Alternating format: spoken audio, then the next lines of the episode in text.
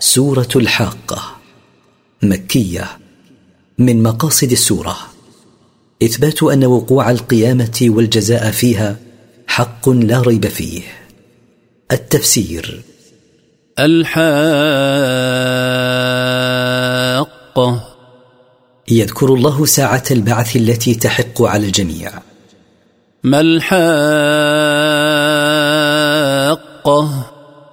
ثم يعظم أمرها بهذا السؤال أي شيء هي الحاقة؟ وما أدراك ما الحاقة؟ وما أعلمك ما هذه الحاقة. كذبت ثمود وعاد بالقارعة. كذبت ثمود قوم صالح وعاد قوم هود بالقيامة التي تقرع الناس من شدة أهوالها. فأما ثمود فأهلكوا بالطاغية. فأما ثمود فقد أهلكهم الله بالصيحة التي بلغت الغاية في الشدة والهول. وأما عاد فأهلكوا بريح صرصر عاتية. وأما عاد فقد أهلكهم الله بريح شديدة البرد قاسية. بلغت الغاية في القسوة عليهم.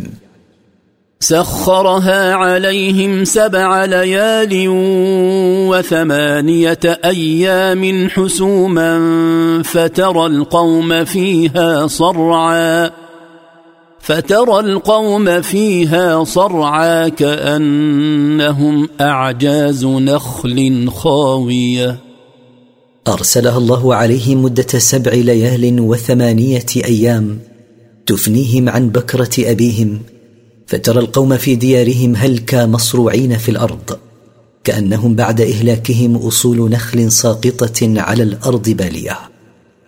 فهل ترى لهم من باقية؟ فهل ترى لهم نفسا باقية بعدما أصابهم من العذاب؟ وجاء فرعون ومن قبله والمؤتفكات بالخاطئة. وجاء فرعون ومن قبله من الأمم والقرى التي عذبت بقلب عاليها سافلها وهم قوم لوط بالأفعال الخاطئة من الشرك والمعاصي. فعصوا رسول ربهم فأخذهم أخذة رابية. فعصى كل منهم رسوله الذي بعث إليهم وكذبوه فأخذهم الله أخذة زائدة على ما يتم به هلاكهم إنا لما طغى الماء حملناكم في الجارية. إنا لما تجاوز الماء حده في الارتفاع حملنا من كنتم في أصلابهم في السفينة الجارية. التي صنعها نوح عليه السلام بأمرنا فكان حملا لكم. لنجعلها لكم تذكرة وتعيها أذن واعية. لنجعل السفينة وقصتها موعظة يستدل بها على إهلاك أهل الكفر وإنجاء أهل الإيمان وتحفظها أذن حافظة لما تسمع. فإذا نفخ في الصور نفخة واحدة. فإذا نفخ الملك الموكل بالنفخ في القرن نفخة واحدة وهي النفخة الثانية. وحملت الأرض والجبال فدكتا دكة واحدة. ورفعت الأرض والجبال فدقتا دقه واحدة شديدة فرقت أجزاء الأرض وأجزاء جبالها. فيومئذ وقعت الواقعة. فيوم يحصل ذلك كله تقع القيامة. وانشقت السماء فهي يومئذ واهية. وتشققت السماء يومئذ لنزول الملائكة منها فهي في ذلك اليوم ضعيفة بعد أن كانت شديدة متماسكة. والملك على أرجائها ويحمل عرش ربك فوقهم يومئذ ثمانية. والملائكة على أطرافها وحفاتها ويحمل عرش ربك في ذلك اليوم العظيم ثمانية من الملائكة المقربين. يومئذ تعرضون لا تخفى منكم خافية. في ذلك اليوم تعرضون أيها الناس على الله. لا تخفى على الله منكم خافية أيا كانت بل الله عليم بها مطلع عليها. فأما من أوتي كتابه بيمينه فيقول هاؤم اقرءوا كتابيه فأما من أعطي كتاب أعماله بيمينه فهو يقول من السرور والبهجة خذوا اقرأوا كتاب أعمالي. إني ظننت أني ملاق حسابيه. إني علمت في الدنيا وأيقنت أني مبعوث وملاق جزائي. فهو في عيشة راضية. فهو في عيشة مرضية لما يراه من النعيم الدائم. في جنة عالية. في جنة رفيعة المكان والمكانة. قطوفها دانية. ثمارها قريبة ممن يتناولها. كلوا واشربوا هنيئا بما أسلفتم في الأيام الخالية. يقال تكريما لهم كلوا واشربوا أكلا وشربا لا أذى فيه بما قدمتم من الأعمال الصالحات في الأيام الماضية في الدنيا. واما من اوتي كتابه بشماله فيقول يا ليتني لم اوت كتابيه واما من اعطي كتاب اعماله بشماله فيقول من شده الندم يا ليتني لم اعط كتاب اعمالي لما فيه من الاعمال السيئه المستوجبه لعذابي. ولم ادر ما حسابيه ويا ليتني لم أعرف أي شيء يكون حسابي. يا ليتها كانت القاضية. يا ليت الموتة التي متها كانت الموتة التي لا أبعث بعدها أبدا. ما أغنى عني مالية.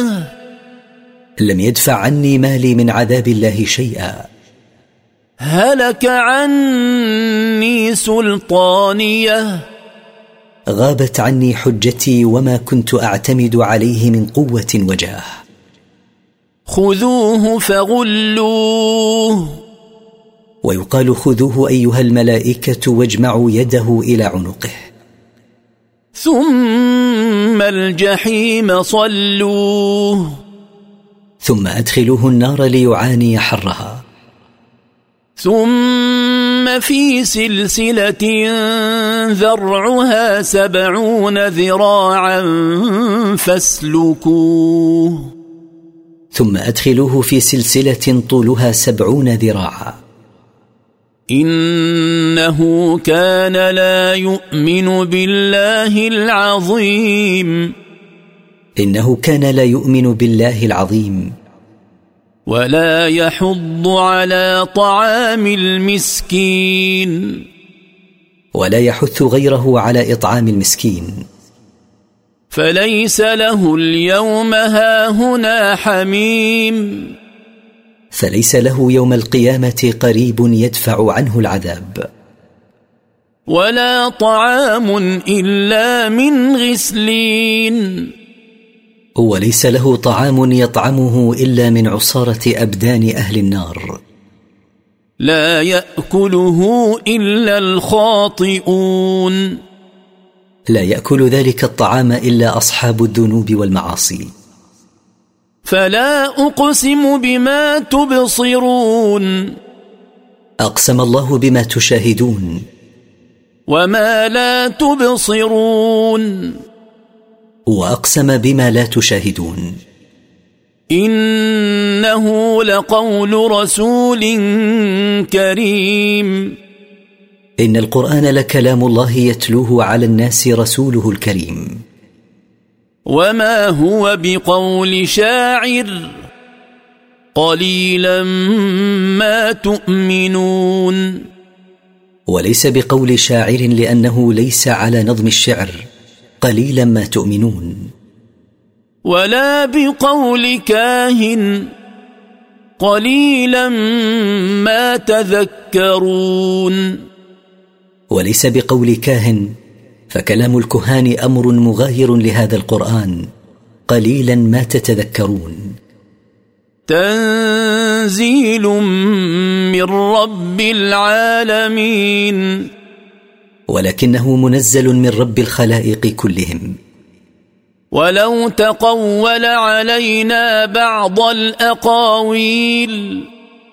ولو تقول علينا محمد بعض الأقاويل التي لم نقلها لأخذنا منه باليمين. لانتقمنا منه وأخذنا منه بالقوة منا والقدرة. ثم لقطعنا منه الوتين. ثم لقطعنا منه العرق المتصل بالقلب. فما منكم من أحد عنه حاجزين. فليس منكم من يمنعنا منه فبعيد أن يتقول علينا من أجلكم. وإنه لتذكرة للمتقين. وإن القرآن لموعظة للمتقين لربهم بامتثال أوامره واجتناب نواهيه. وإنا لنعلم أن منكم مكذبين. وإنا لنعلم أن من بينكم من يكذب بهذا القرآن. وإنه لحسرة على الكافرين. وإن التكذيب بالقرآن لندامة عظيمة يوم القيامة.